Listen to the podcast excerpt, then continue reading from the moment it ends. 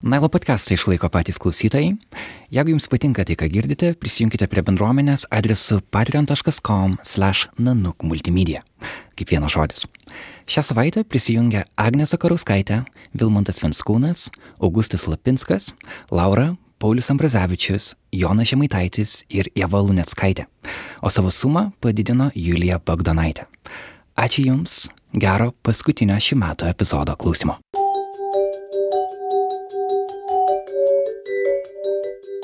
Sudalyvavau visuose renginiuose ir sausio 13 ir vasario 16 ir kovo 11 ir liepo 6 ir kariuomenės šimtmetį ir atrodo, kad žmonėms nelabai irgi, nu jie nelabai supranta, kuo ten susirinko. Ateina didelė masė ir pš, nesusproksta. Sveiki visi, jūs girdite specialų Nailo podcast'o epizodą. Mes beveik įveikėme 2018 ir šiandien bandysime įvertinti, kokie jie buvo. Aš esu Karolis Višnauskas, podcast'o vedėjas ir redaktorius. Aš esu Eglė Murauskaitė, Marilando universiteto mokslininkė, saugumo konsultantė ir simulacijų kurėja. Aš esu Mindaugas Drigutas, Nanuk multimedijų žurnalistas, dirbantis daugiausiai su vaizdais. Aš esu Berta Tilmantaitė, Nanuk e, bendrai kurėja ir multimedijų žurnalistė. Aš esu Karolis Pilypas Liutkevičius, esu multimedijų žurnalistas. Aš esu Artūras, esu fotožurnalistas. Mes pirmą kartą esame šituo sąstatu Nanuk studijoje. Labai džiaugiuosi, Eglė, kad šiemet turime tave mūsų metų aptarime. Pernai, pernai dar to nebuvo. Labai džiaugiuosi, kad prisijungiai ir gera matyti jūs visus. Mes netaip dažnai susitinkame visi patys vieni su kitais ir klausytojai ne visada gali mūsų girdėti uh, vienu metu. Tad tikiuosi, tai bus įdomi patirtis.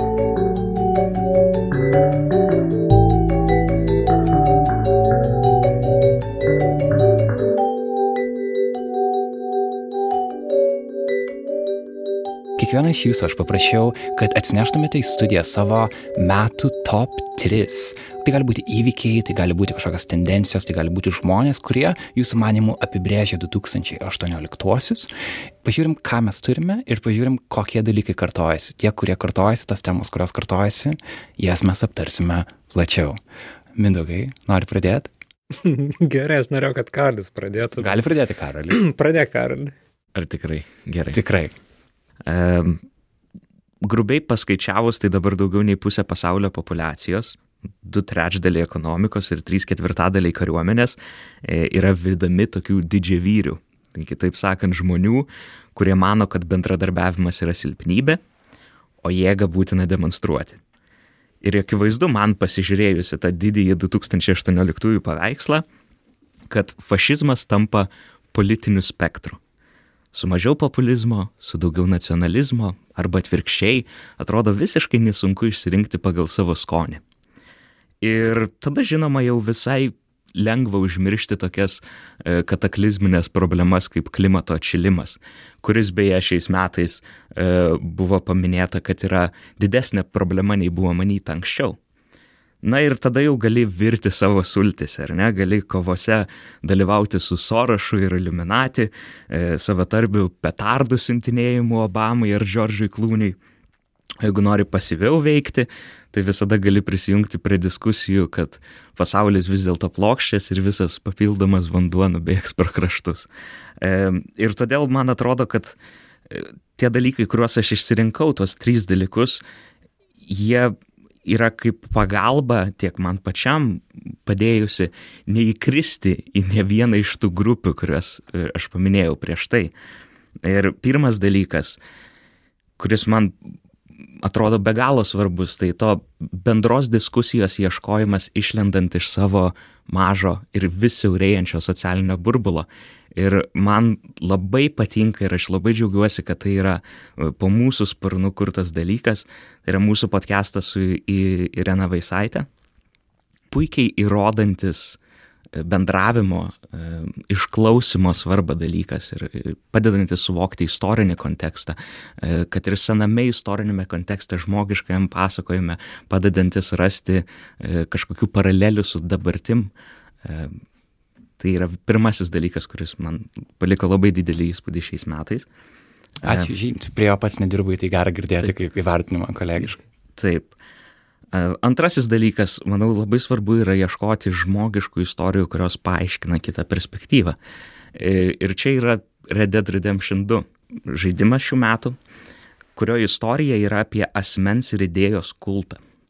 Žinot, kartais pasiklausot kažkokių minčių apie kažkokius kažkada egzistavusius kultus, e, kad ir idėjinius ar religinius, ir kartais sunku suprasti, kodėl žmonės ten papuola, ar ne? Ir kaip, kaip, kaip jie negali ištrūkti, kodėl tu negali ištrūkti iš tos mąstysenos, kodėl tu negali ištrūkti iš e, asmens kulto. Ir tas žaidimas, istorija jame yra turbūt geriausiai E, paaiškinanti, kaip sunku iš ten ištrūkti ir kaip lengvai e, gali net ir labai intelektualius, racionalius protus e, tokie kultai įkalinti ir tam tikros idėjos. Ir trečiasis dalykas, kuris rodo bendruomenių svarbą. Ir tai yra visai naujas dalykas, kuris mane vakar pribloškė. Aš perskaičiau tai ir turėjau antrą kartą dirstelti į tą, ką aš perskaičiau. Eurostat duomenimis Lietuva iš visų ES valstybių narių išrušiuoja daugiausiai plastikinių pakuočių. Daugiau nei 70 procentų. Daugiau nei Vokietija, Prancūzija ar kitos ES valstybės narės. Tai įrodo bendruomeniškumo svarbą dirbant ir kovojant su tam tikromis problemomis. Šiaip buvau iš esmės beveik užtikrinta, kad kalbėsi apie klimato kaitą arba apskritai ekologiją, tai specialiai norėjau atkreipdėmėsi į kažką kitą, nežinojau, jog tai turbūt bus paminėta. Ir aš tokius tris gal reiškinius dalykus, kuriuos irgi norėčiau šiek tiek gal plačiau aptarti ir tik po to, jeigu reikės ir jeigu kartosis giliau įlysim, bet labai trumpai neišeina pasakyti. Tai pirmas dalykas, pirma tokia tema ir naratyvas, kuris man šiemet buvo labai svarbus Tai yra grėsmė žurnalistams, žurnalistikai apskritai ir atsakas į tai, žurnalistų gale ir irgi bendruomeniškumas ir, ir, ir, ir bendri pajėgumai ir ką tai gali padaryti.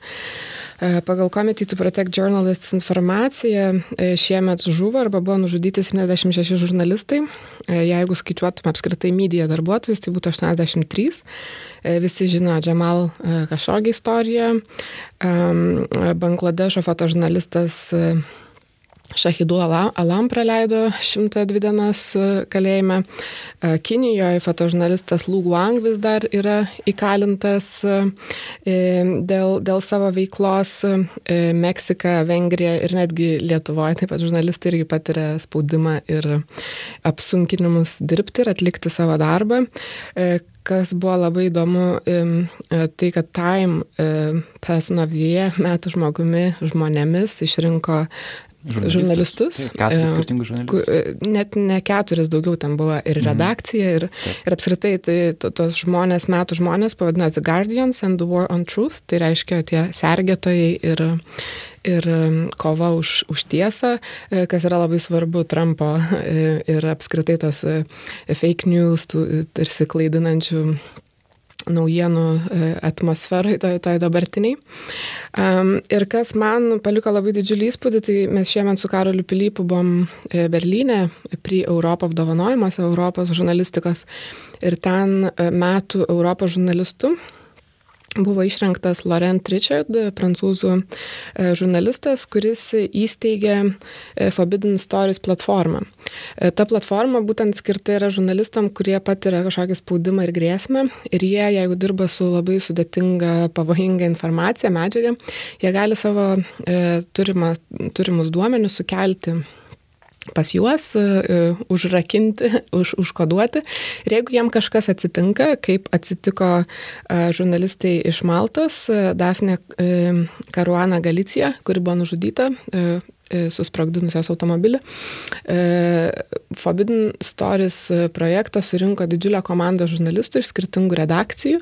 Jie atidarė tą jos visą sukeltą informaciją ir tęsė jos istoriją. Tai reiškia, kad žurnalistai iš skirtingų redakcijų, skirtingų šalių gali susivienyti ir tęsti istoriją, kad istorija yra svarbiausia ir kad nužudytų žurnalistų jau e, neišspręs, nu, tai, kad nužudysi žurnalistą jau neišspręs e, e, tavo kažkokios istorijos. Nužudyti turi žurnalistą, bet ne, ne istorija. Taip, tai reiškia, kad nu, labai irgi svarbus bendruomeniškumas, susivienimas ir atstovėjimas prieš grėsmę ir, ir kažką, kas nori pademonstruoti savo gali ir tave įbauginti.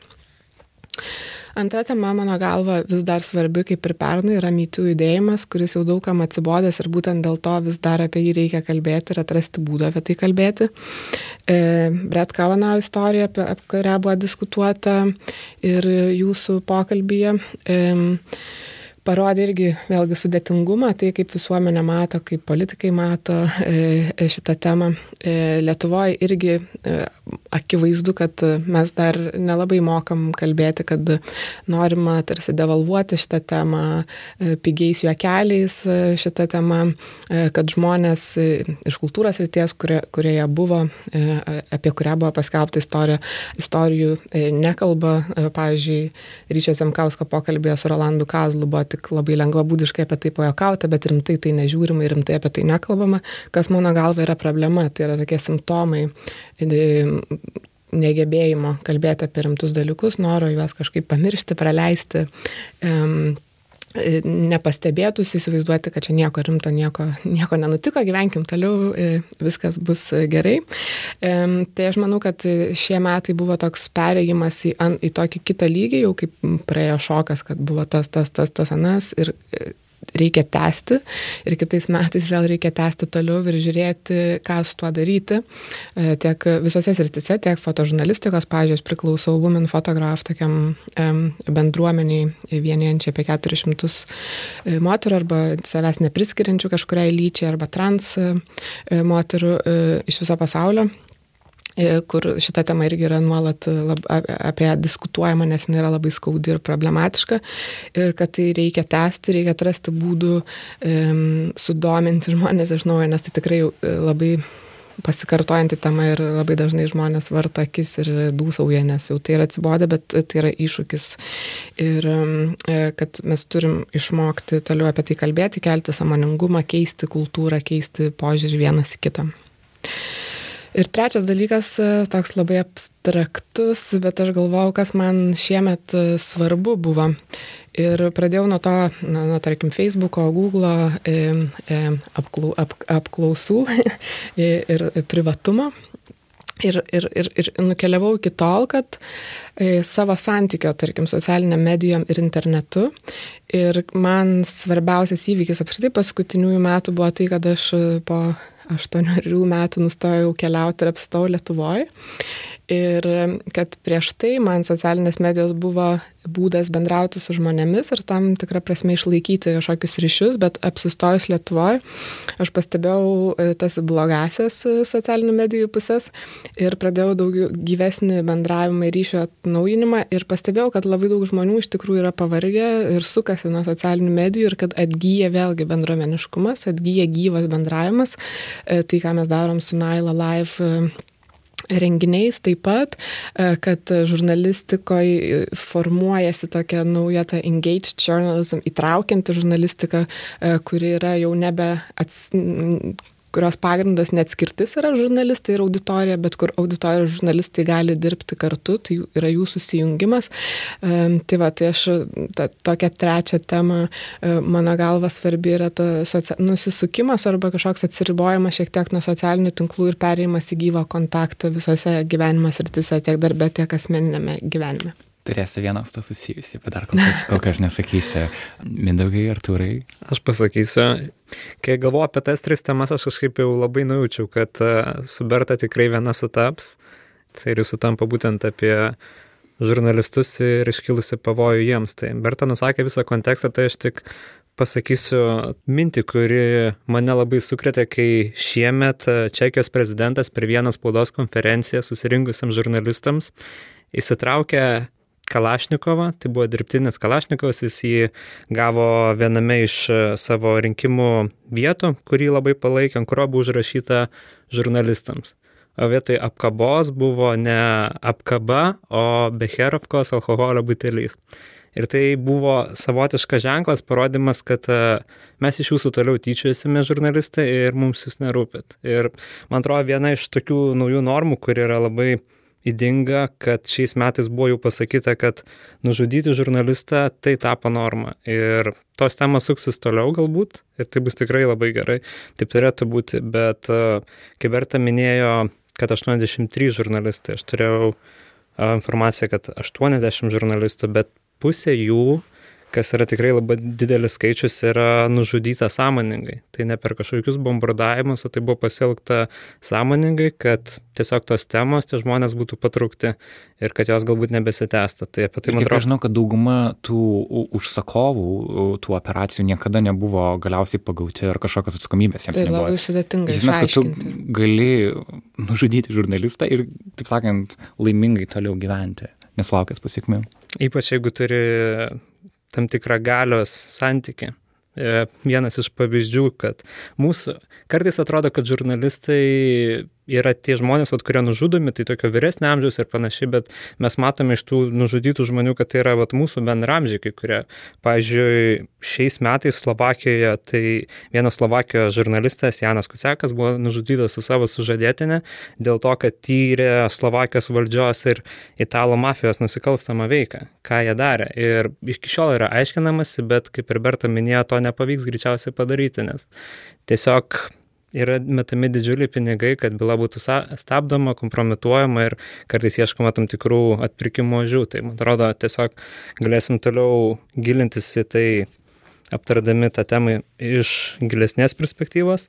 Antroji, kuri susijusi su serialų pasauliu, nes jis man labai aktualus, aš labai žiūriu ir to nebūtų galima pasakyti be tokio svarbesnio politinio konteksto. Ir šiais metais toks žmogus, Lenkas Piotras Česni, 54 metų chemikas, padegė save prie kultūros ir mokslo rūmų Varšuvoje. Ir kai aš ieškojau informacijos lietuvių kalba, jos iš viso nebuvo, atrodo, kad tas įvykis tiesiog mūsų visiškai nesudomina, bet Lenkijos įgavo labai didelį atgrasį, nes tai buvo jo toks kaip ir protesto ženklas prieš autoritarinį Lenkijos populistų dešiniojo sparno vyriausybę. Ir jis buvo parašęs tokį raštelį kaip ir atsisveikinimą ir jis skambėjo maždaug taip, kad e, aš labiausiai myliu laisvę ir tikiuosi, kad mano tas atsakas, kad ir koks jis bebūtų širkštus, padėgymas savęs, jisai sudrebins mūsų žmonių samoningumą, kad mes imtumėme keistis. Ir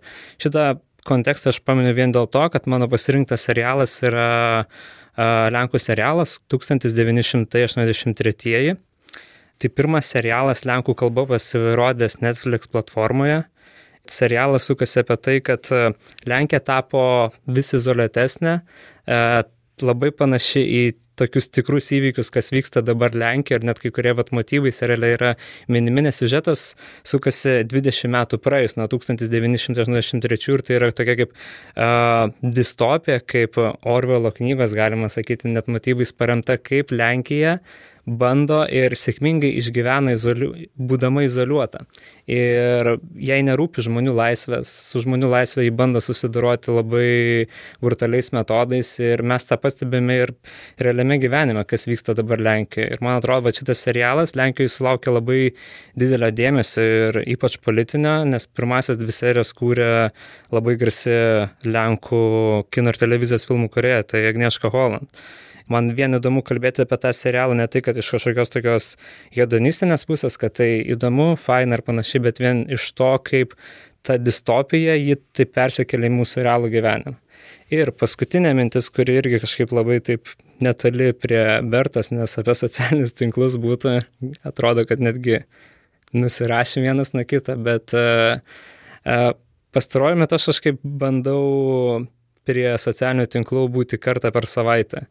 Ir iš pirmo žvilgsnio, kai pradėjau tą daryti, tai mano buvo toks noras, kad aš daugiau dirbčiau prie savo magistrinio darbo darbų ir netiek daug praleisčiau laiko veltui. Bet baime, kaip žurnalistai, mums buvo, kad aš praleisiu svarbius įvykius, kad kažko nepastebėsiu, nematysiu, ką veikia mano artimiausi draugai, jūs ir negalėsiu būti bendrame tas, tame srute ir suprasti apie įvykius. Bet praėjo pirmą savaitę ir aš supratau, kad na, aš nieko nepraleidau kad e, vyriausybė dar vis stovi, protestai vyksta, kad pasaulis gyvena savo gyvenimą ir laikui bėgant, dabar yra gal koks jau beveik mėnesis, aš jaučiuosi šiek tiek taip įsilaisvinęs. Ir mano trečias įvykis buvo susijęs su Facebook'o ir Cambridge'o skandalu įvykusiu ir politinių įvykių, kaip jisai nuskambėjo visuomenė, kaip mūsų duomenys yra panaudojami nebūtinai labai teigiamais tikslais, nepaisant kokią tai turėjo išvadą, kad Facebook'as gavo baudą tik 622 tūkstančius dolerių, kas yra labai mažai, nes įstatymai... Šiandien yra žinia apie tai, kad Washington, iš Vašingtono vieno teisėjo atėjo nauja, nauja byla Facebook'ui dėl to, tai aš manau, kad jie taip lengvai neišsisuks. Ir dar šituo. buvo dabar informacija, kad Facebook'as davė prieimą prie privačių žinučių Netflix'ui ir kitiems. Ir, ir Netflix, Jeigu tu per jungiasi Netflix ir Spotify per savo Facebook'o prisijungimus, tu galėjai Netflix ir Spotify žmonės galėjo skaityti, ką tu, viską, ką tu iš esmės turi. Tas yra siaubinga, bet... Bet Aha. vyksta. Ok, tai Cambridge Analytica yra trečias tavo, mhm. trečias tavo uh, punktas. Tvarkoja, aš matau lyderį mūsų, uh, mūsų sąraše. Bet uh, mes dar turime tris žmonės, žiūrėsim, kas bus toliau. Arturai, tavo trejetukas koks? Aš bus truputį lokalesnis. Mano trejetukas galėtų galbūt toks. Tai yra įvykiai, kurie, man atrodo, svarbus buvo šiais metais į kurias norėtųsi atkreipti dar kartą dėmesį. Džiugu, kad du iš jų kažkiek susiję ir su šitą studiją, nes apie jas esame kalbėję ir padarę podcastus. Tai, tai pirmas jų galėtų būti MG Baltic ir politinės korupcijos byla, apie kurią, kuriai skiriam dėmesį ir, ir, ir padarėm pokalbį. Ir man atrodo, šitą istoriją yra svarbi tuo, kad savotiškai tokie nutikimai, e, juos analizuoti, tokius nutikimus galima kažkaip parodo, kur yra šiandien mūsų valstybė Ir, ir, ir tai, man atrodo, labai buvo svarbus įvykis visokiojopai mūsų šaliai ir visos vėliau kilusios diskusijos. Kitas įvykis, kuris irgi e, gal ne tiek pats kaip faktas toksai svarbus, bet, bet vėliau kilusios diskusijos, tai yra e, partizano Adolfo Ramanausko Vanago palaikų atradimas. Ir aišku, nieko keisto, kad tai kažkaip ir suvienijo žmonės ir, ir, ir pakilo toks, nežinau, tautiškumas ir tam tikros temos, bet man šita istorija dar yra labai svarbi iš to, kad matėsi e, e, Rusijos kompanija nukreipta prieš, prieš e, visas kilusias šitas diskusijas ir tai parodo, kiek šita tema yra svarbi ir jautri jam. Ir, ir, ir visi tai, ką šis įvykis išprovokavo, man atrodo, partizanų klausimas. E, talpina savy tokius mūsų labai svarbius tautinius dalykus ir labai svarbius tautinius dalykus, kurie jie truputį turi juodulių, apie kurias norisi daugiau kalbėti, tai yra holokausto klausimai, e, požiūris į mūsų, sakykime, sovietmetį apskritai ir, ir bendrodo per toks įvykis mes išmokstame tomis temomis kalbėti dar kartą mm, ir, ir man tas buvo džiugu. O išeinant kažkaip toliau, nutolstant nuo Lietuvos, mano trečias įvykis būtų susijęs su, su Rusijos kariuomenė. Tai aišku, paskutinis turbūt svarbiausias jos nu, nutikimas šioje temoje tai yra e, Rusijos kar, karinio laivyno veiksmai Kerčės sąsiaurėje ir Azovo jūroje, kada pirmą kartą Rusija e, atvirai e, su, kaip pasakyti, su antpečiais ir tikra amunicija savo vardu atidengė ugnį į Ukrainos e, kar, kar, karinį laivą. Ir man atrodo, tai įdomu būtų ir šeglės daugiau išgirsti. Šio, šio įvykio, man atrodo, bus didelis rezonansas ir jisai tikrai tęsis ir 2019 metų 2019 metais ir, ir kitas susijęs su Rusijos kariuomenės, tai yra Sergejaus Skripalio, dvigubo agento šnipo nunuodimas e, Salisburyje. Tai taip pat, manau, tokios nerima keliančios, e, dėja pasikartojančios, e, pasikartojantis tarsi tokie įvykiai. Tai va, tai aš galbūt tai dar norėjau kartą priminti. Mm. Agle, į tave buvo tiesiog įkreiptasi. Nu, labai jautrios yra tos temos, kurias jūs minit, tai aš buvau pasirinkusi savo trejetuką, bet pradėsiu gal nuo kito galo, kad kažkaip įsijungti į tai. Tai mano numeris trys buvo, aš gal tokius trendus labiau neįvykius, o trendus kažkokius norėjau aptarti. Tai buvo, sakykime, bendruomeniškumas ką jūs, ką jūs palėtėte įvairiais kampais, bet aš turbūt čia būsiu ta pesimistė, nes tai aš buvau įsivardinusi savo, sakykime, kaip Lietuvos, na aišku, daugelio kitų aplinkinių rytų Europos valstybių šimtmetis, minėjimas ir nusivylimas. Aš tai nelabai matau to bendruomeniškumo, aš matau labai didelį poreikį jų. Tai sakykime, mane e, Vilniuje vykstančiose kino festivaliuose šiais metais labai ir džiugino ir palėtė dokumentiką apie universalias bazinės pajamas, apie materializmo vertę, apie kaip mes galime bandyti ieškoti naujų būdų padėti žmonėms, kuriems, kurie patiria ekonominį pliteklių, tiesiog nes jiems nepasisekė gimti kažkokioje, nežinau, valstybėje, šeimoje, kaip sakant, jie gali gali stengtis kiek nori, nieko nepadarysi. Tai kad žmonės atkreipia dėmesį, jaučia norą to bendruomeniškumo, ieško, kaip padaryti, tai taip, bet aš matau, kad to kažkaip bent jau pas mus tai nelabai yra. Tai tarkim apie šimtmečio temą man atrodė, kad tai labai paro atskleidė mūsų identiteto paieškas ir pasimetimą, kad mes visi prieš rusus, o už ką tai neaišku. Žodžiu, ir įvairių ten buvo ir apklausų, ir kokia čia idėja, ir koks čia simbolis, ir, ir nu nieko. Nerezonuoja, viskas apie, apie vidurį žmonėms eina. Tai aišku, tas ruošia derlingą dirvą radikalams populistams, bet kad to nėra, tai nėra. Ir asmeniškai irgi sudalyvavau visuose renginiuose ir sausio 13, vasario 16 15 ir kovo 11 ir Liepo 6 ir kariuomenės šimtmetį.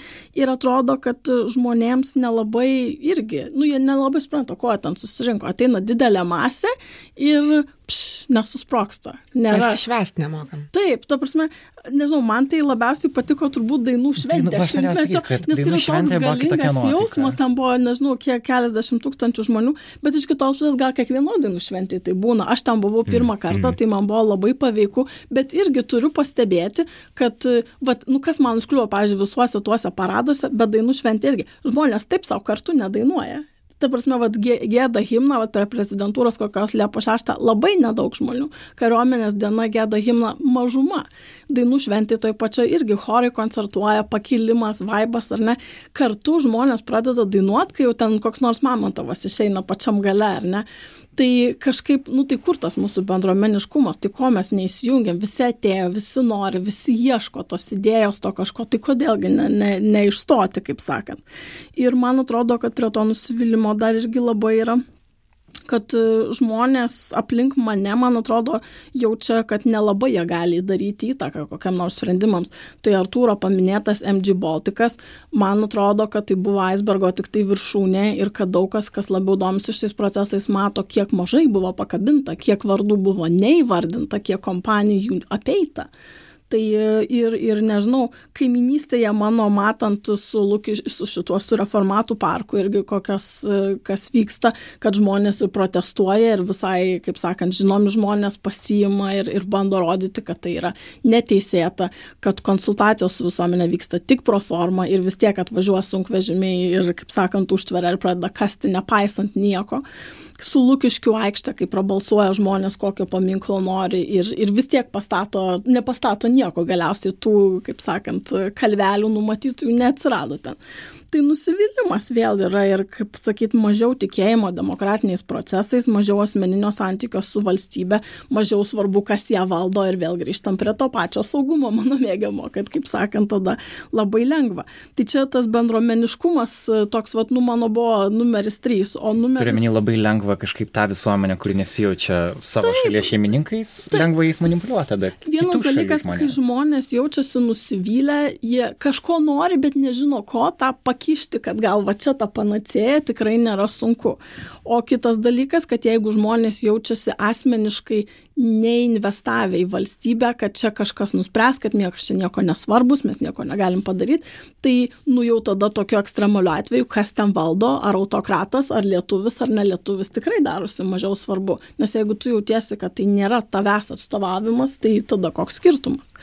Ir kaip sakant, ta autoritarinė džiugia gaida mano numeris vienas ir numeris du, kalbant apie metų temas, tai viskas buvo susiję labai su Azija. Tai vienas dalykas, pirmas mano sąraše buvo Kinijos kibernetiniai viražai, tai šiek tiek buvo ir užsiminta ten, bet man turbūt labiau gal užkliuvo du tokie momentai platesnio masto. Tai vienas yra su Huawei susijęs, tai sakykime irgi, kad buvo areštuotas jų vyr finansininkas Kanadoje, bet jav visgi neišduotas. Ten administracijoje irgi buvo nesutarimai, kas kada ką žinojo, kodėl čia tą užsakė. Ir, sakykime, irgi žmonėms, gal klausytojams, kuriems mažiau yra pažįstami, pasižiūri savo telefono brandą, ar ne, šalis va, yra tokia vadinasi Five Eyes šalių grupė, kur dalinasi uh, žvalgybinė informacija. Tai JAV, Australija, Zelandija, Naujoji Kanada, Britanija, Didžioji, dar Vokietija irgi galvojama, kad galbūt prisijungs.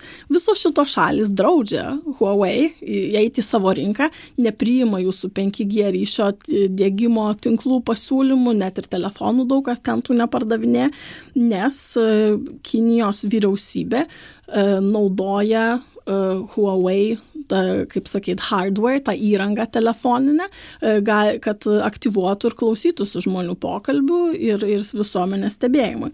Ir rekomenduojama yra tą drausti vis daugiau ir daugiau šalių. Lietuvos tas kažkaip dar nepasiekė, tai noriu atkreipti dėmesį parinkitės atsakingai, kaip sakant. Nepirkit Huawei. Ne, nu, tai yra, ne aš nesakau, kad nepirkit. Nu, kažkas, kažkas tos jūsų duomenys galimai vis tiek paims, ar Facebookas, ar Instagramas, ar Huawei, ar Apple, tai jau čia, kaip sakant, pick your poison, ne? Bet žinoti, kad tai vyksta, tai ne, ne, netrukdo. Ir dar tas skandalas su Supermikro, tai irgi buvo nu, neregėto masto, tai čia industrinio spionažo kelis metus trukusi schema irgi Kinijos, kur reiškia Kalifornijos, taip, Kalifornijos e, motininių plokščių, motherboards gamintojas, mhm. e, reiškia, jisai importuoja, tai yra didžiausias gamintojas, kuris tiekia pagrindiniams visiems serverių kuriejams, tai yra nu didžiuliai, didžiuliai duomenų saugojimo ir apdarojimo srautai. Ir reiškia, tas e, supermikro, tų plokščių gamintojas, e, reiškia, jie importuoja detalės iš Kinijos. Ir Kinijos karinė pramonė, reiškia, išvystė vystė tokį mažą, mažą čipuką, fiziškai maždaug ryžio grūdo dydžio įdėjo tą komponentą į tai, ką jie jau atsiunčia parduoda, reiškia, tai buvo infiltruota per dešimtmečius. Čia Bloombergo visas... tyrimas yra, taip. Taip, taip, taip. Bet jis ne visai tikslus. Ten yra problema su juo. Aš nesakyčiau, kad, kad tai yra for sure, kad tai yra faktas.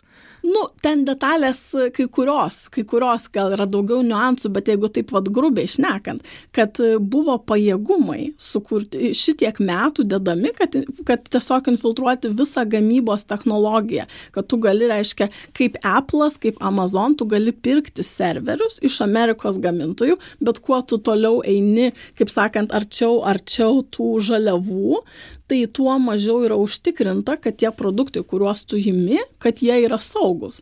Nes ten klausimas dėl to iškilo, kad e, galimai informacija buvo siunčiama iš tų serverių. Taip. Tai kur, kiek ir kada, kaip ten, kuriais metais, kiek žmonių žinojo, taip, tas galbūt ne, ne viską Bloombergas išstudijavo, bet mane tai pritrenkė tiesiog vat mastas, kad Kinija toksai, vat, kaip sakant, lietai judantis, o, jie turi 10-20 metų, o kodėlgi ne, jeigu verta investuoti į tų duomenų pasurbimą, tai vat ir investuos ir, ir dar iš to regiono, nu aišku, čia mes gal apie prekybos karą jau turbūt visi žino, iš tokių džiugesnių, tai ten mane pradžiugino filmas Crazy Rich Asians, kad okay. pagaliau mes apskritai, tarsi, nežinau, tas Lietuvoje gal vėl ar aš mažiau girdžiu, ar tas diskursas toks nelabai yra, kad iš tikrųjų žmonės, kurie yra entreprenoriai, protingi, išradėjai, pasiturintys kažkokie progresyvūs, vis daugiau tų žmonių yra iš Azijos tai nebūtinai iš Kinijos, bet ir iš Afrikos, jau tikrai mes baigiam praeiti tą etapą,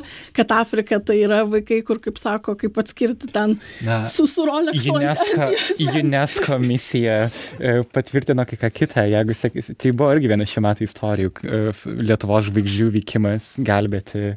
Afrikos. Oi, tai, čia, tai čia, kaip sakant, visada yra tų žmonių, kurie gyvena ekstremaliam skurde, bet jų tikrai mažėja. Ir vis daugiau mes turim tų, ne tai, kad sėkmės vienetų istorijų, bet kaip trendo. Kad... Tai tikrai, tikrai turim. Aš turiu omeny, kad ta UNESCO misija vis dar, uh, atsiprašau, uh, UNICEF, aš turiu omeny UNICEF misiją, jo, jokių... Ačiū su tas. Jo, jo, jo, nieko blogo nesakom apie UNESCO šiuo atveju. Tai, tai jo, tiesiog, kad irgi atkreipti dėmesį, kad, kad Kinija tai nėra vien tik tai jau pigių žaliavų kraštas, kad Afrika nėra tik tai tie vaikai praskurdę, bet žodžiu, kad labai vyksta dėlis vystimasis. Ir vakarai atkreipiau į tai dėmesį dėmesį Tai vyksta ilgai labai. Taip, taip, taip, taip, taip, bet, ta prasme, taip, bet šiais metais tas filmas Taip, išėjo, taip, tai aš taip, sakau bet, todėl, tas kad suvokimas vis Taip, dar buvo, taip, nes taip, e, ribotas, ribotas suvokimas. Prieš dešimt metų čia buvo daug pokalbių, kad Kinijai daug kas išpirkinėja gerą europinį vyną, nes atsiranda ta vidurinioji klasė Kinijoje, kuri nori e, ir mato, tą, kaip- mato pavyzdį, kaip vidurinioji klasė gyvena taip. Europoje ir nori to, to paties. Ir aš manau, kad tas tik, tik progresuos. Tai čia ir žinai, ką, va aš neseniai permečiau akim tokią knygą Factfulness, e, Taip. žodžiu, irgi labai puikiai paaiškinta, kad tikrai e, nebėra viskas, kad čia vertybės, vakarietiškos, rytietiškos kultūra, religija. Daug kas tie sprendimai, kaip mes norime gyventi, yra elementariai formuojami pajamų.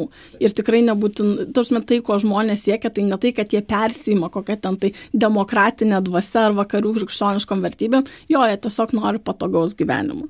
Tai ir jeigu galėčiau paskutinis labai trumpas, va irgi iš to regiono mano trečias punktas, tai buvo Šiaurės Koreja.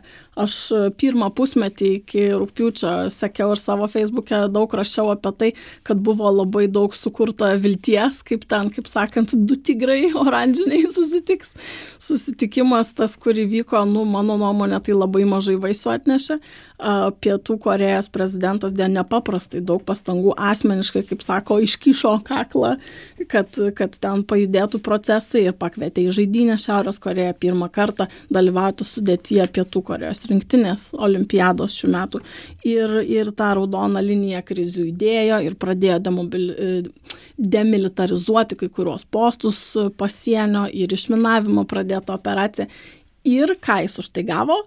Amerikos skaitome toj knygoje Fear, kad Trumpas labai rimtai galvoja išvesti iš Šiaurės Korejos, iš Pietų Korejos, atsiprašau, ka- karinius dalinius, tai reiškia sąjungininkams, ate, nereikia mums jūsų nei, nei tenais ž- žinių teikiamų, intelligence, uh, nei, nei patogumo, nes tiesiog vat, per daug jūs susimokėkit patys už savo saugumą, vat iš principo.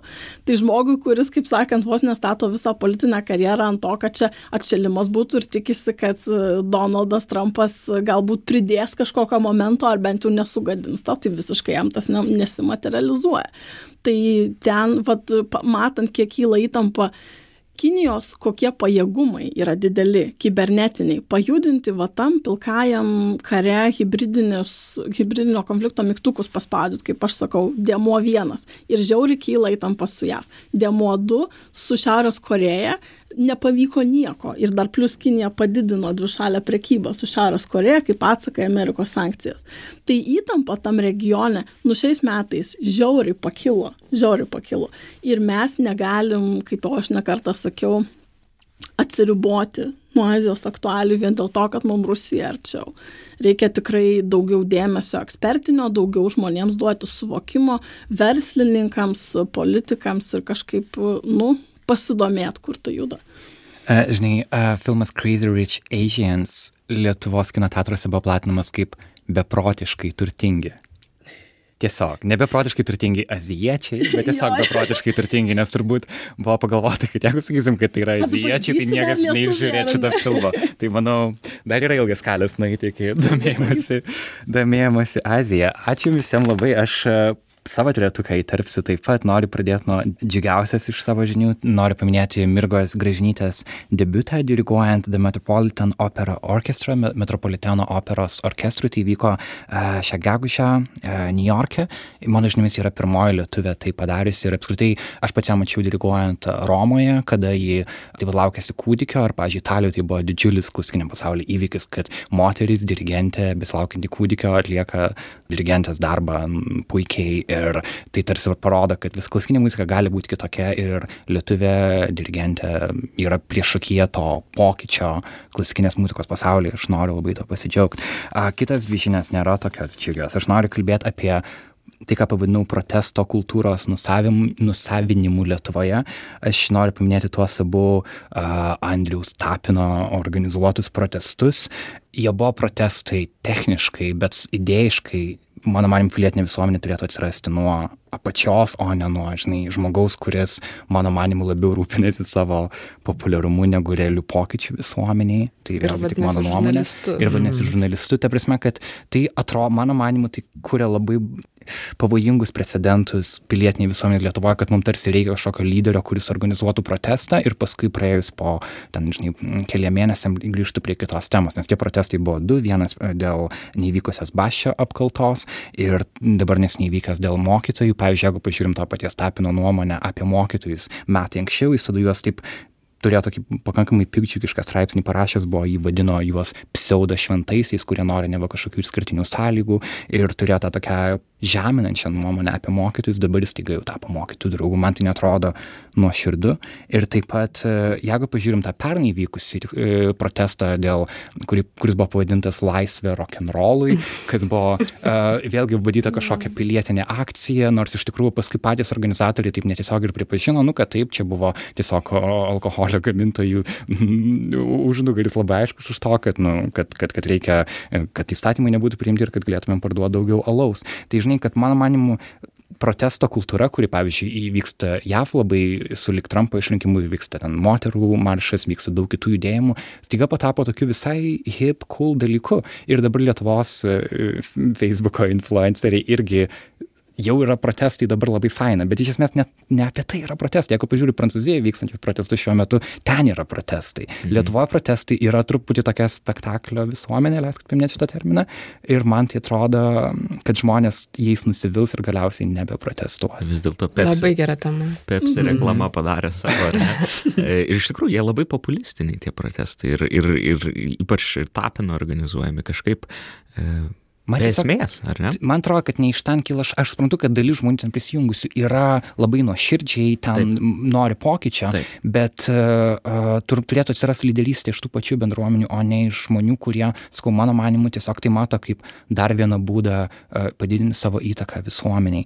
Uh, jo, ir galima apie tai pratęsti, aš trečią temą paminėsiu, tai jo, būtų Cambridge Analytica ir apskritai suvokimas, bendrai nusivylimas Facebook'u ir socialiniais tinklais ir supratimas, kad mes esame žiauriai manipuliuojami, net jeigu mes manome, kad mes nesame manipuliuojami, mes esame manipuliuojami ir vienas iš būdų yra apskritai išeiti iš socialinių tinklų, a, kitas iš būdų yra kažkokiu būdu, um, vat, neaišku, ką daryti, nes um, tu vis tiek, pavyzdžiui, jeigu esi žurnalistas, tu tarsi turi būti dialogo dalimi, turi būti tinkluose, bet kai tu matai, kad tu iš esmės esi tik tai tam tikras algoritmas, e, tas kelia pavojų. Man patinka žmonių nusivylimas tuo, kad, kad žmonės supranta, man ne visai patinka, kad dar nėra jokių alternatyvų tam ir aš nežinau, jų bus, nes Facebookas turi susipirkęs Instagramą, Facebookas turi susipirkęs WhatsApp, um, kodėl nėra alternatyvaus Facebooko, čia yra klausimas.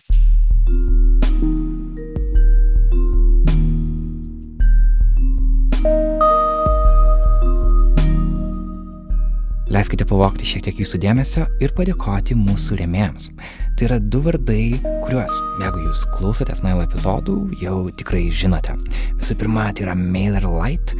Jie siūlo naujienlaiškių kūrimo platformą. Naujienlaiškiai, kaip žinia, išgyvena pakilimą. Juos atsisuka tie žmonės, kuriems pabodo gauti informaciją iš socialinių tinklų. MailerLite leidžia susikurti savo naujienlaiškį ir tai jau daro 550 tūkstančių organizacijų visame pasaulyje. MailerLite naujienlaiškius skaito žmonės iš 120 šalių. Įdomu, kad visa tai prasidėjo čia pat Vilniuje, Užupyje, kur likščiol yra šios kompanijos ofisas. MailerLite.com toks yra adresas, jeigu norite pabandyti ir susikurti naujienlaiškį savo organizacijai ar kažkokiam savo asmeniniam projektui. Ir taip pat ačiū Benedikto Gylio fondui. Benediktas nori palaikyti iniciatyvą susijusią su edukacija, inovacijomis ir apskritai modernios Lietuvos idėja.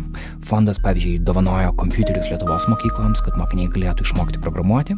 Taip pat jie rengia išradėjų konkursą pavadinimu Vilnius išranda. Naila podcastą jie mato kaip tęsinti šias idėjas, kaip kūrinti dialogą. Ir mes irgi daugelį vertybių turime panašias, tad džiaugiamės radę šią partnerystę ir tikimės ją tęsti kitais metais. Taip pat benediktas.com toks yra fondo adresas, jeigu norite sužinoti daugiau. Grįžtame į studiją, tęsame 2018 metų aptarimą.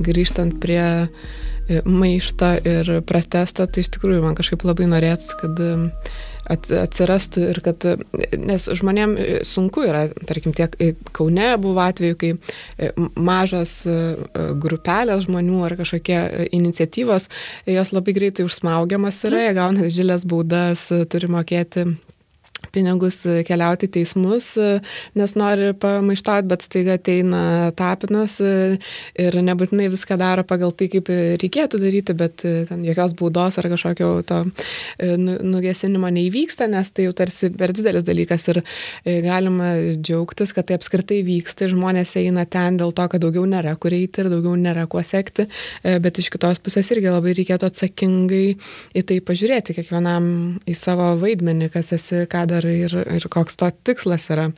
Mane labai žavi Pietų Amerikos protestų kultūra, kurie turi net savo dainas protestų, taip ir besivadinančios protestų daino, dainomis, būgnus, šokius ir tą laisvą ekspresiją kovoti už viską ir bet ką. Ir labai tikrai norėtus, kad čia tai vyktų, e, nebūtinai brutaliai kaip Prancūzijoje, pavyzdžiui, e, bet kad tas samoningumas, jog tu iš tikrųjų gali kažką pakeisti, ateitų, kad nebūtų to numojimo ranka, kad ai vis tiek nieko nepakeisi, ai, nu, nebalsuosiu, nes nėra už ką, bet kad e, būtų susigražinam, susigražinama galiai savo rankas ir tikėjimas savo rankas, kad tu iš tikrųjų gali kažką padaryti. Mhm. Man atrodo, kad labai trūksta to iš tikrųjų, e, net ir tam pačiam, galvojant apie saugumo klausimus, kadangi su šitu dirbu, tai gal tiesiog iš to pro tą linzę viską ir žiūriu. Bet e, kaip man yra smagu žiūrėti, kai žmonės e, kalba, oi, nu tai čia mūsų piliečiai tokie sąmoningi, čia kas ginklu, kas ten duonos kepalų, bet jau kaip mes čia stosim, tai jau tiesiog mūrų. Tai bet iš kur, iš kur gali ateiti tas noras ar ginti valstybę, ar priešintis, ar kaip, jeigu mes taiko sąlygom. Net neturim bendruomenių. Ir aš, aš taip leidau savo įsikišti, nes man atrodo, kad Artūras čia turi labai gerą perspektyvą. Man tai ir iš tų dokumentinių, kuriuos matau, ir, ir iš, nežinau, tiesiog da, darbų žiūrint, kiek kiti žmonės daro, tikrai atrodo, kad labai yra didelis pasidalinimas visuomenės ir noras netgi užsidaryti tam savo burbulę. Aš turiu, aš žinau, man užtenka, jūs ten būkit su savo skausmu, su savo problemom, su savo kita nuomonė, būkit kitur. Ir kai tu važinėjai ir, ir darai, fotografuoji, kalbini to žmonės, man atrodo, kad nu, mažai yra suvokimo, tai kaip tie kiti burbulai laikosi. Jo, čia viskas labai susiję iš tikrųjų ir, ir aš kaip dirbau JAV per e, prezidento rinkimus 2016 metais ir kai iš pamenu savo šoką, kada palikau didžiuosius miestus - Bostoną, univers... E, New Yorką, Filadelfiją ir išvažiavau regionus. Miestuose nėra daug kas balsuos už Trumpą, vis paskui jį kažkokiuose anegdotuose, kažkokioje ironijoje, visi turėjo kažkokį pakvaišėlį darbę, kuris sako, kad balsuos už Trumpą. Ir išvažiavau į regionus ir pamačiau kitą vaizdą ir pamačiau kitą vaizdą, nekalbant apie politiką, bet pirmiausia apie socialinę atskirtį, tai yra va, tuos burbulus. Ir tada pradėjau galvoti apie Lietuvą ir remiausi šios temos, nes e, man atrodo, socialinė atskirtis ir mūsų tas bendruomeniškumo toks mažas lygis, man atrodo, yra vienas didžiausių apskritai grėsmių. Klausytojai, kurie nėra susipažinę su tavo šito projektu, tu kitais metais planuoji išleisti knygą apie socialinę atskirtį Lietuvoje su tekstu, su fotografijom. Taip, tai yra aš, mano vienas laukiamiausiai. Taip, aš metus laiko, dabar gal net daugiau e, važinėjau po regionus ir po miestus, bet e, ieškau žmonių, kurie gyvena sudėtingai. Tai tokias mano raktaždis tai yra ta socialinė atskirtis, kuri kurie galbūt e, yra vieni, kurie yra nutolę. Tos, tai yra tos vietos, kuriuose atsiranda populizmas, e, kur, kur, kur visi tie mūsų, mum, mum, mum, kur visi tie mūsų kur visi tie šūkiai, nuo kurių kraupstame, e, tai yra žmonės, kurie jos priema ir kurie sako taip, paksas išgelbės Lietuvą. Taip. Bet ar tie žmonės balsuoja, pavyzdžiui, ar jie ateina į savivaldybių rinkimus? Aš šito visada ar... klausiu ir įvairiai, bet aš galiu pasakyti taip, kad mane nustebino, kad balsuoja. Daugiau, daugiau. Mhm. Aišku. Ir čia dar, man atrodo, labai svarbu paminėti, yra irgi tą tokį prieš keletą metų prasidėjusi tokį, tokią um, būdą kalbėti apie tos žmonės, kai tos žmonės buvo vadinami runkeliais, vatnikais, ir, vatnikais ir visai kitaip įžeidžiančiai ir kad tas um, tas naratyvas toksai, kalbė, kad jie patys yra kalti, jog jie yra tenai, jog jie patys, kad aš pasiekiau tai, ką pasiekiau, nes aš dariau, o jie nedarė, tai yra žiauriai pavojinga. Tai rodo neišsila... Nemanau, aš manau, kad... Šie tai- metai truputį aš, tokio... Taip, šie metai yra švelnesni. Visuomenė yra didesnė. Taip, taip, ši, negu mums atrodo. Manau, kad jau švelnėja tai, kad jau nebėra to tokio labai aiškaus ir griežto, žinai, deklaravimo, kad čia yra runkeliai vatnikai ir šiaip debilai, mes esam pasiekę tą, tą ir tą savo jėgomis ir du skirtingi pasauliai, kad šiemet jau viskas vyksta švelniau, bet kad tai vis, nu, žinai, ne, ne, neišpjausi to taip paprastai, jau tai yra šiek tiek įsėdę į, į galvą žmonių ir kad tai vis dar gali išlysti ir kad dabar reikia grįžti atgal ir apgalvot, kad iš tikrųjų nebūtinai žmonės yra kalti patys, nes tu nepasirenki aplinkybių gimimo ar šeimos, ar vietos, ar, ar dar kažko. Ir kad tas supratimas ir kalbėjimas jis turi vykti ir prieimimas vienas kito turi vykti. Ir čia vėl grįžtam prie bendruomenių temos, grįžtant prie socialinių burbulų temos, kad mes turim vieni kitus pažinti geriau ir kad iš to rasis ir bendruomeniškumas ir galbūt stiprės. Taip, ir, ir aš gal dar papildysiu ir praplėsiu, nes čia tos temos kažkaip labai gražiai jos persiningia ir susiję. Tai vienas dalykas, žmonės, kurias aš fotografuoju, tai yra apie tą skurdo kultūrą, apie socialinę atskirtį. Jau metus laiko aš stebiu pokyčius tų žmonių gyvenime ir matau, kokią galę turi bendruomenė. Jeigu mes kalbame apie bendruomenę pačią primityviausią prasme, tai yra kaimo, sakykime, bendruomenė. Žmonės ir, sakykime, ten šeima, daugiavaikė mama, kuri turi bendruomenės pagalbą, kaip jinai geba stotis ir, ir, ir artėti prie tos orios visuomenės dalies ir ką, ką daro vienišumas, atsiribojimas, pasakymas, kad, ai, čia tas mano kaimynas, čia kažkoks alkoholikas. Tai vienas dalykas, tai yra tokia fiziškai, realiai matoma ta bendruomeniškumo gale. Kitas dalykas tai yra, kaip sakom, kalbė, kalbėjimas apie, tą, apie šią problemą. Ir Lietuvoje, man, kaip žurnalistui, man yra labai skaudu, nes matau, kaip daugybė mūsų visų dabar turbūt influencerių, žurnalistų, žinomų žmonių, žiniasklaidos, netgi priemonių tragiškai nemoka kalbėti tom temom. Ir buvau perskelis gyventi visą giną. Ir kai, kai, nežinau, trimituoja visi influenceriai, save dažnai vadinantys žurnalistais apie vatnikus, apie įvairiais baisiausiais žodžiais vardina mūsų visuomenės dalį, kurie, kurie turim kažkokias, sakykim, politinės kitokias pažiūrės, kurie labiau paveikiami propagandos. Tai va, įdomu visą pamatyti iš Visagino perspektyvos. Ir tas vatnikas tampa jau nebe žmogus, o jis gali būti miestų, gali būti regionų. Ir aš atsimenu, turėjau tokį diskusiją su vienu su vienu rusakalbiu Lietuvos ir sako, jo, bet žiūrėkit, jūsų žurnalistai, pažiūrėkit, Ignalinos atvejai, jisai priminė, kada e, Andris Užkalnis e, socialiniuose tinkluose sudirbo merginą. Ir aš sakau, bet. Taip, bet aš sakau, Bet tai nėra žurnalistas, žmogus sako, bet jis yra žurnalistas, jam prezidentė net teikė apdovanojimą ir buvo parašyta, kad žurnalistas. Ir aš tada vat, ir apie tapino protestus, kai mes kalbam, labai norisi šitą temą palies, kad pati visuomenė reikalautų iš tokių žmonių, nu, yra taip paprasta save pavadinti žurnalistu ir viską tai taip jaukia. Ir tada, aišku, nu, dar labiau galim gilinti, skaldyti, žaisti ir tolt nuo vieni nuo kitų. Ir man atrodo, čia ta žiniasklaidos misija nu, yra nepaprastai svarbi ir labai džiaugiuosi, kad mes šiais metais praleidom tiek daug laiko šitoj studijai. Pavyzdžiui, pamenat, kaip mes kartu konstravom, visą naktį dirbom prie Micių epizodo, kiek galvojom, kokius terminus rinkti, kaip, kaip tai, tai va, to labai irgi trūksta iš žiniasklaidos, man atrodo, kad gebėt kalbėti tom jautriom temom ir, ir, ir, ir iš asmeninių atsakomybių suvokimo iš, iš tokių žinomų žmonių kaip Andrius Tapinas, kuris save vadina kartais žurnalistu.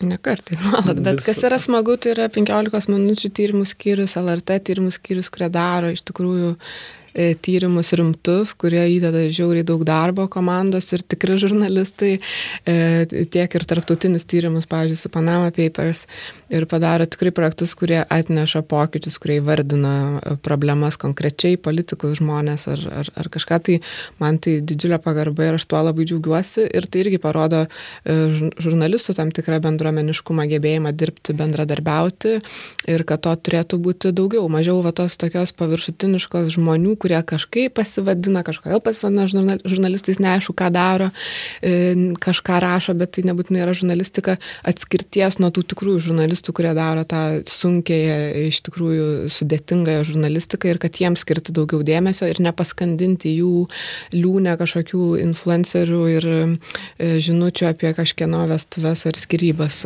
kaip dabar yra žiniasklaidai. Tai pačios žiniasklaidos atsakomybės daugiau ir, ir, ir žmonių reikalavimai žiniasklaidos. Jo, kažkaip po kelionės į JAV, kas gal klausytojai skaitė Facebook'e rašiau tokius kaip laiškus iš savo uh, trijų savaičių tokia Mural programai uh, buvimo, kur buvau kartu su 47 kitais žurnalistais iš praktiškai pusės pasaulio. Ten tikrai suprat, daug keliavom po JAV mažesnius miestus ir supratau, kiek daug reiškia regioninė, vietinė žiniasklaida, kokia JAV iš tikrųjų dar ir pakankamai stipri.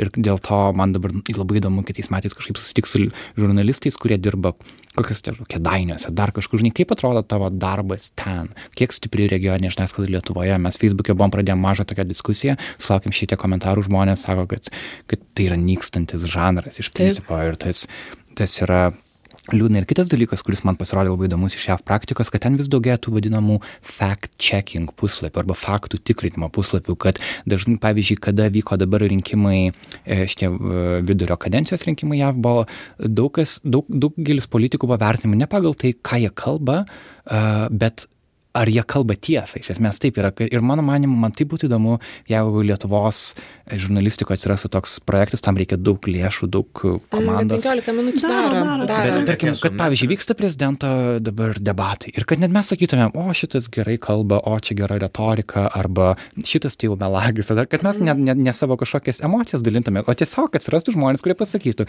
ar tai tie teiginiai, kuriuos ką tik išgirdome per debatus, ar tai yra tiesa ar ne. Ir aš manau, kad tiek daro, tai jo, okay. Galima paskaityti, ar tai, ką pasakė, yra tiesa. Gerai, bet, bet aš noriu, kad kai, kai bus debatai, taip, taip, taip. nes bus daug debatų. Aš taip. jų laukiu. Aš noriu, kad kažkas tikrintų, ar tie žmonės meluoja. Iš vis norėtųsi, kad kažkas už nugarą stovėtų. Jo, jo, ar tai yra melas. Taip, raudona arba žalia. E, nes tai yra tas pats, vat, vėlgi, labai, ta, kas ir su, su Donaldu Trumpu, ar net ten suskaičiuota, kiek jis teisingų, melagingų pasakymų. Washingtonas skaičiavo, kad jis šešis tūkstančius kartų jau su, pasakė netiesą. Tai es, esmė ir yra tame, vėlgi, čia ir vėl, kalbant apie žurnalistiką ir bendruomeniškumą, yra tai, kad labai lengva manipuliuoti informaciją ir tu gali šnekėti, ką nori ir vis tiek bus žmonių, kurie tuo tikės, nes pat tai pasakyti. Nes, nes netgi čia ne, negi dviejų pusių nėra, negi, taip, nėra visur taip, balelės tiesos. Tai esmė yra ta tame, kad kovoti reikia su tuo ir e, atstovėti e, tai ir įvardinti, kur buvo pasakyta tiesa ir kur netiesa ir neleisti žmonėms tiesiog žongliruoti žodžiais ir faktais e, taip, kaip jiem patogiau.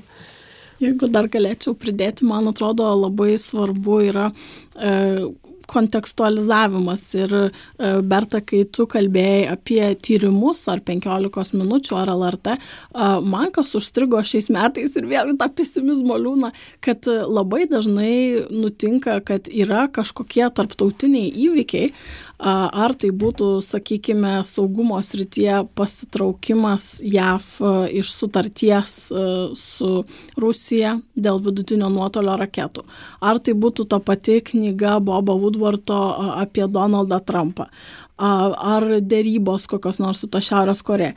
Tai yra nu, kompleksiniai procesai, kur yra daug turinio. Ir iš Lietuvos būtinai atsiras koks nors tau žurnalistas, kuris ten ištrauks iš serijos iš visos knygos vieną sakinį ir padarys straipsnį, kaip nekenčia Lietuvos, kaip čia Lietuvai dabar bus arba labai gerai, arba labai blogai. Nu, tai yra toks siauras matymas. Tarsi aš suprantu, kad yra poreikis e, sakyti, nu va, vyksta tarptautiniai įvykiai, kaip tai atsilieps Lietuvai. Bet bet vien tik kalbėti apie to žurnalisto ar tyrėjo ar analitiko nuomonę, kaip ten atsilieps, nepapasakojant visai daugiau, koks tas įvykis ir panalizuojant, kas ten vyksta, man atrodo, kad yra klaida. Ir kažkaip aš pasigendu šiaip va tokio platinimo, platinimo konteksto žiūrovui, klausytojui. Tai aš manau, kad Nanuk labai gerai užsijima kabindami temas, kurios yra Lietuvai aktualios ir, sakykime, gal ne platinimo, bet gilinimo konteksto. Bet va čia, va to tarptautinio suvokimo, kas vyksta, kur ir kodėl, labai dar trūksta. Ir norėtųsi tuos žurnalistus ar jaunus, kurie nori būti žurnalistais ar kurie link tyriamosios pasuka, labai paskatinti, nu nesusiaurinkit, neapsiribokit jūs tą Lietuvą, papasakokit davai daugiau. Jo, bet čia problema net ne pačiose žurnalistuose švietime. E, žurnalistų švietimas Lietuvoje yra labai silpnas, programa labai silpna ir neparašė tam. Redakcijos vėl labai daug dėmesio skiria kiekiui, žinučių srautui ir skandalingom antraštėm ir ne, neskiria laiko tam kontekstualizavimui. Turbūt sunku yra reikalauti, aišku. Tai, tai pačiam vienam, e, aš mačiau ir skaičiau keletą tekstų tokių, kurie tarsi pateikia platesnį kontekstą, yra žurnalistų, kurie tą daro visose portaluose, bet taip iš tikrųjų trūksta daugiau ir formų tų pačių, ne tik tekstų, bet pokalbių, mhm. televizijos laidų ir tikrai konstruktyvios mm, diskusijos ir aptarimo pabandykim pakilti šiek tiek iki tą, ką buvom palėtę prieš tai apie bendruomeniškumą. Ir aš manau, kad, nu, sakykime, apie hashtag vertybės, kad, nu, iš tikrųjų ilgisi žmonės, ilgisi žmonės tikrų dalykų, lėtesnių naujienų, gilesnės analizės ir ką jau daugelis iš jūsų sako ir sukasi nuo tų, nuo tų socialinių medijų ir daugiau galvoja ir daugiau ieško ir kapsto.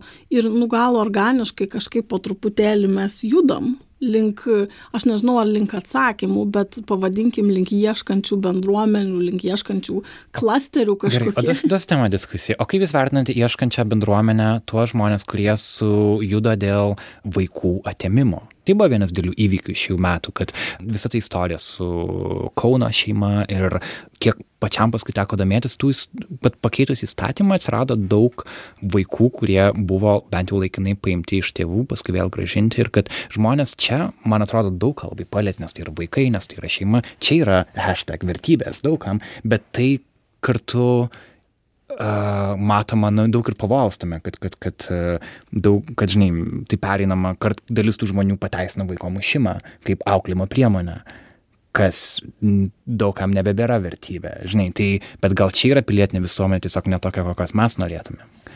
Kaip jūs tai vertinat?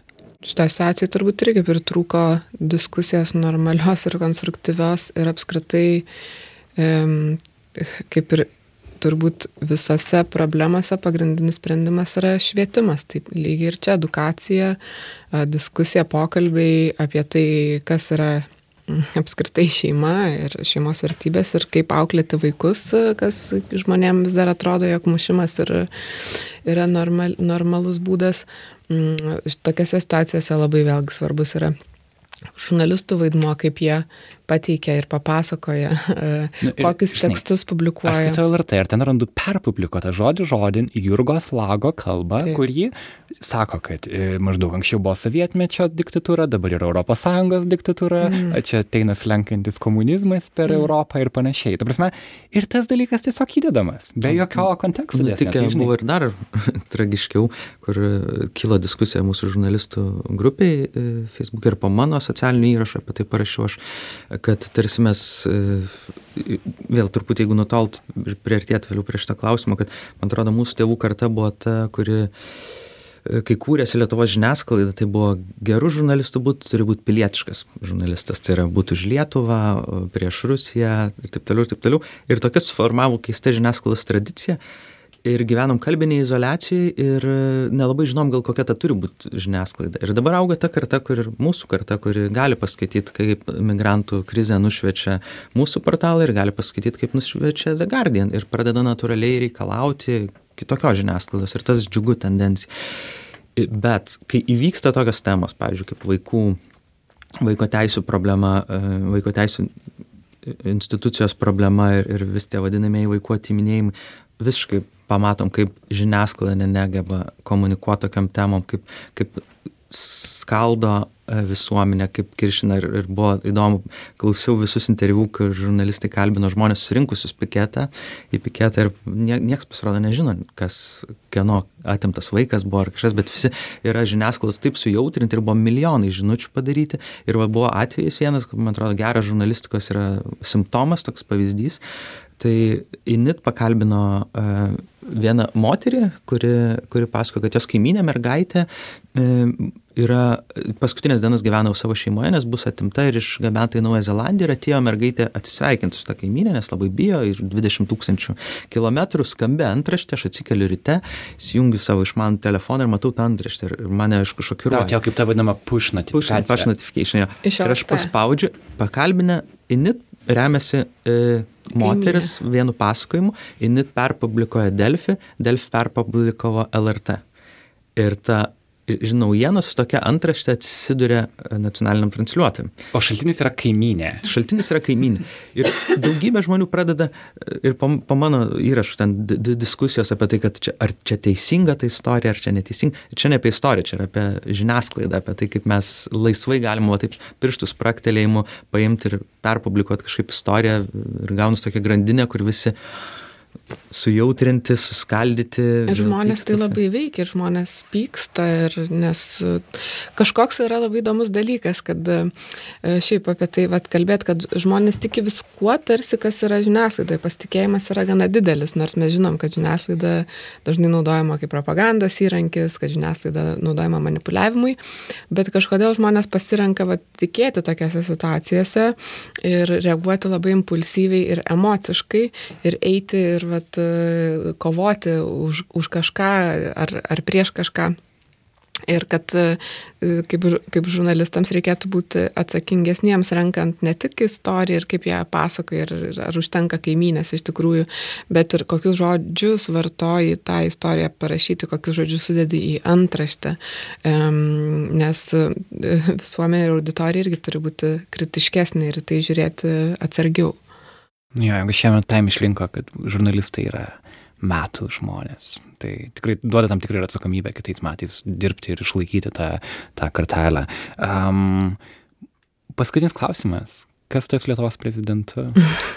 Aš vakar buvau Kaune e, ir prie mano namų esančioje Čečienijos aikštėje mačiau būdžių žmonių perkantį kalėdinės eglutės ir ten buvo priparkuotas automobilis iš Šaranas.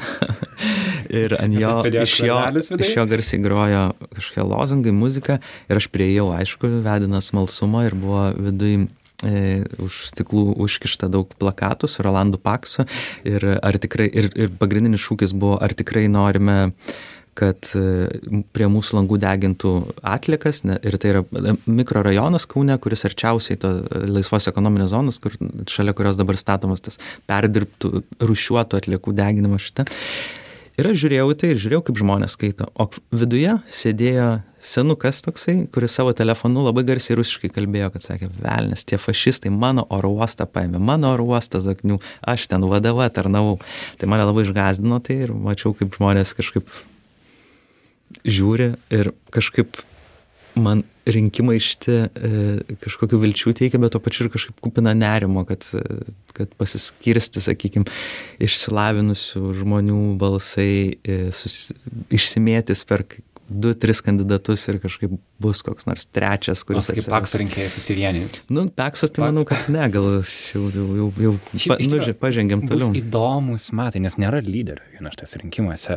Eglė, kaip tu manai, kas, kas laimės? Gal anksti dar yra, nes iš tikrųjų, jeigu jau taip visai techniškai žiūrint, tie žmonės, kurie dabar dalyvauja debatuose, jie yra kandidatai būti kandidatais, nes dar Taip. netgi neprasidėjo oficialus teikimo dokumentų su parašais, kad jie turi pakankamai remėjų etapas tai gal dar išlys kas nors, gal kas nors pasitrauks, kas ten žino. Bet aš tai šiuo metu tai gal norėčiau tiesiog atkreipdėmėsi, kad vienas dalykas labai pasidžiaugiau, kad paraginus vienus kitus pažįstamus, kad debatai vyksta jau ir kad ir, ir tie, kur buvo Rytų Europos studijų centro su Konrado Adenaueriu organizuoti ir Kaune, kur sausio mėnesį Gritėnas Paulius žada moderuoti. tai tiesiog smagu, kad jau prasideda ir iš tų moderatorių aš visai daug tikiuosi, kad tai yra žmonės, kurie galėtų užduoti nepatogius klausimus ir su patikslinimais ir, ir labai norėtų konkrečių atsakymų. Bet mane gal kas nu, suintrigavo ir nustebino, kad užkliuvo akis už Vilniaus politikos politikos analizės instituto e, papublikuotų Facebook'e keleto, e, kaip sakyti, išvalgų, kad e, kandidatų vienas dalykas prezidentas lietuvių daugumos suvokimu yra pagrindė užsienio reprezentatorius. Ir, sakykime, buvo žodžių analizė, kiek apie užsienio politiką kalbama.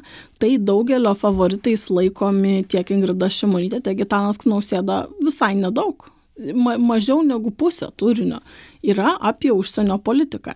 Tai ar mes galime tai pripaišyti populizmui, kad, kaip sakant, norime patraukti rinkėjus į savo pusę, ar norima tiesiog pasisakyti klausimais, kurie žmonėms aktualūs, nors realiai kaip prezidentas tu nelabai gali paveikti tuos klausimus. O kitas dalykas, irgi buvo ten analizė padaryta, kad skirtumai poziciniai, ne, at, atmetus charizmą, atmetus retoriką, išvaizdą ir backgroundą, skirtumai išsakyti kai kuriais klausimais tiek ar, ar sankcijų Rusijai, ar ekonomikos, ar, ar užsienio politikos kažkokių gairių, ar stiprinimo kariuomenės, ar tos pačios šeimos apibrėžimo, nu, nustebina panašumai kartais ta, kai, kai pamatai, kad iš tikrųjų kokio nors nausėdos ir juozaičio pozicijos yra gana artimos, tai pala, pala, kaip. Aš nenorėčiau, kaip sakant, jau badyti pirštais į nieką, bet tiesiog manau, kad noriu pasidžiaugti va, šita, šitais rinkimais, kad kol kas ankstyvieji procesai atrodo, kad link turinio krypsta kokybiškos analizės ir kokybiško turinio. Tai aš tiesiog linkėčiau visiems kolegoms kalbinantiems, ateinantiems klausyti, klausantiems klausimų, išlaikyti tą toną man labai trūksta to. Sutinku.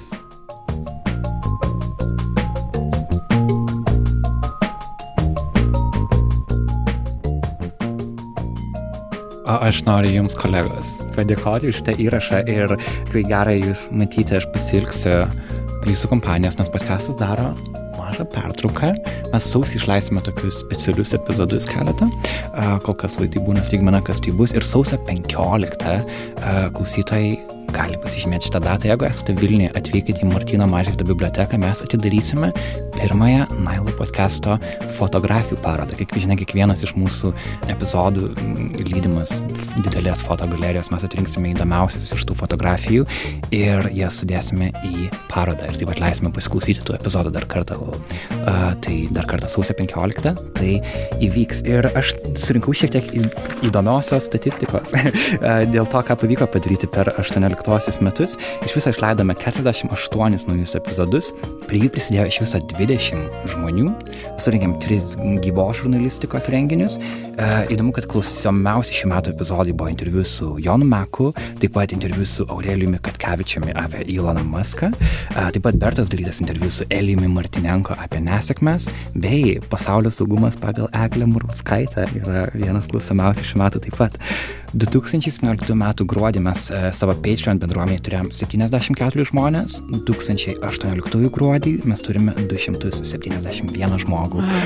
Lai taip toliau ir lieka tokia, tok, to, to, toks augimas ir manau, kad Nanuk tada, Nanuk tada judės toliau irgi. Ačiū iš tikrųjų visiems, kurie prisidėjo per Patreon. Tas tikrai faktiškai mums tai leidžia jaus kvepuoti daug laisviau. Studijoje šiuo metu mes negalim kvepuoti labai laisvai, nes oro, oro čia jau trūksta, dėl to aš noriu užbaigti epizodą greičiau, bet iš tikrųjų tas, tas labai daug reiškia man tas kad tiek daug vilčių, kad žmonės pradeda investuoti į žurnalistiką. Mūsų Patreon prasidėjo kaip eksperimentas ir dabar tapo visiškai tokia validžia e, finansavimo finansavimo, vienu iš finansavimo šaltinių. Ir taip pat Facebook'e Nanuk turėjo 6 tūkstančius sekėjų metų pradžioje, dabar turi praktiškai 10 tūkstančių, tai yra 9970 kažkas tokio. Jeigu turite draugą, kuris dar nepalaikino, paraginkite tai padaryti. Ir taip pat ačiū Katai Bitoft, įrašinėjusiam mūsų epizodus, ačiū Martinui Gailiui, sukūrusiam muziką ir ačiū jums visiems dar kartą. Gali klausytam dar kartą savo vardus priminti? Esu Artūras. Esu Mindaugas. Aš Karolis Pilypas. Aš Berta, ačiū, kad klausot. Eglė, smagu būti su jumis. Aš Karolis, ačiū, kad buvot kartu. Greitai, greitai susitiksim. Iki.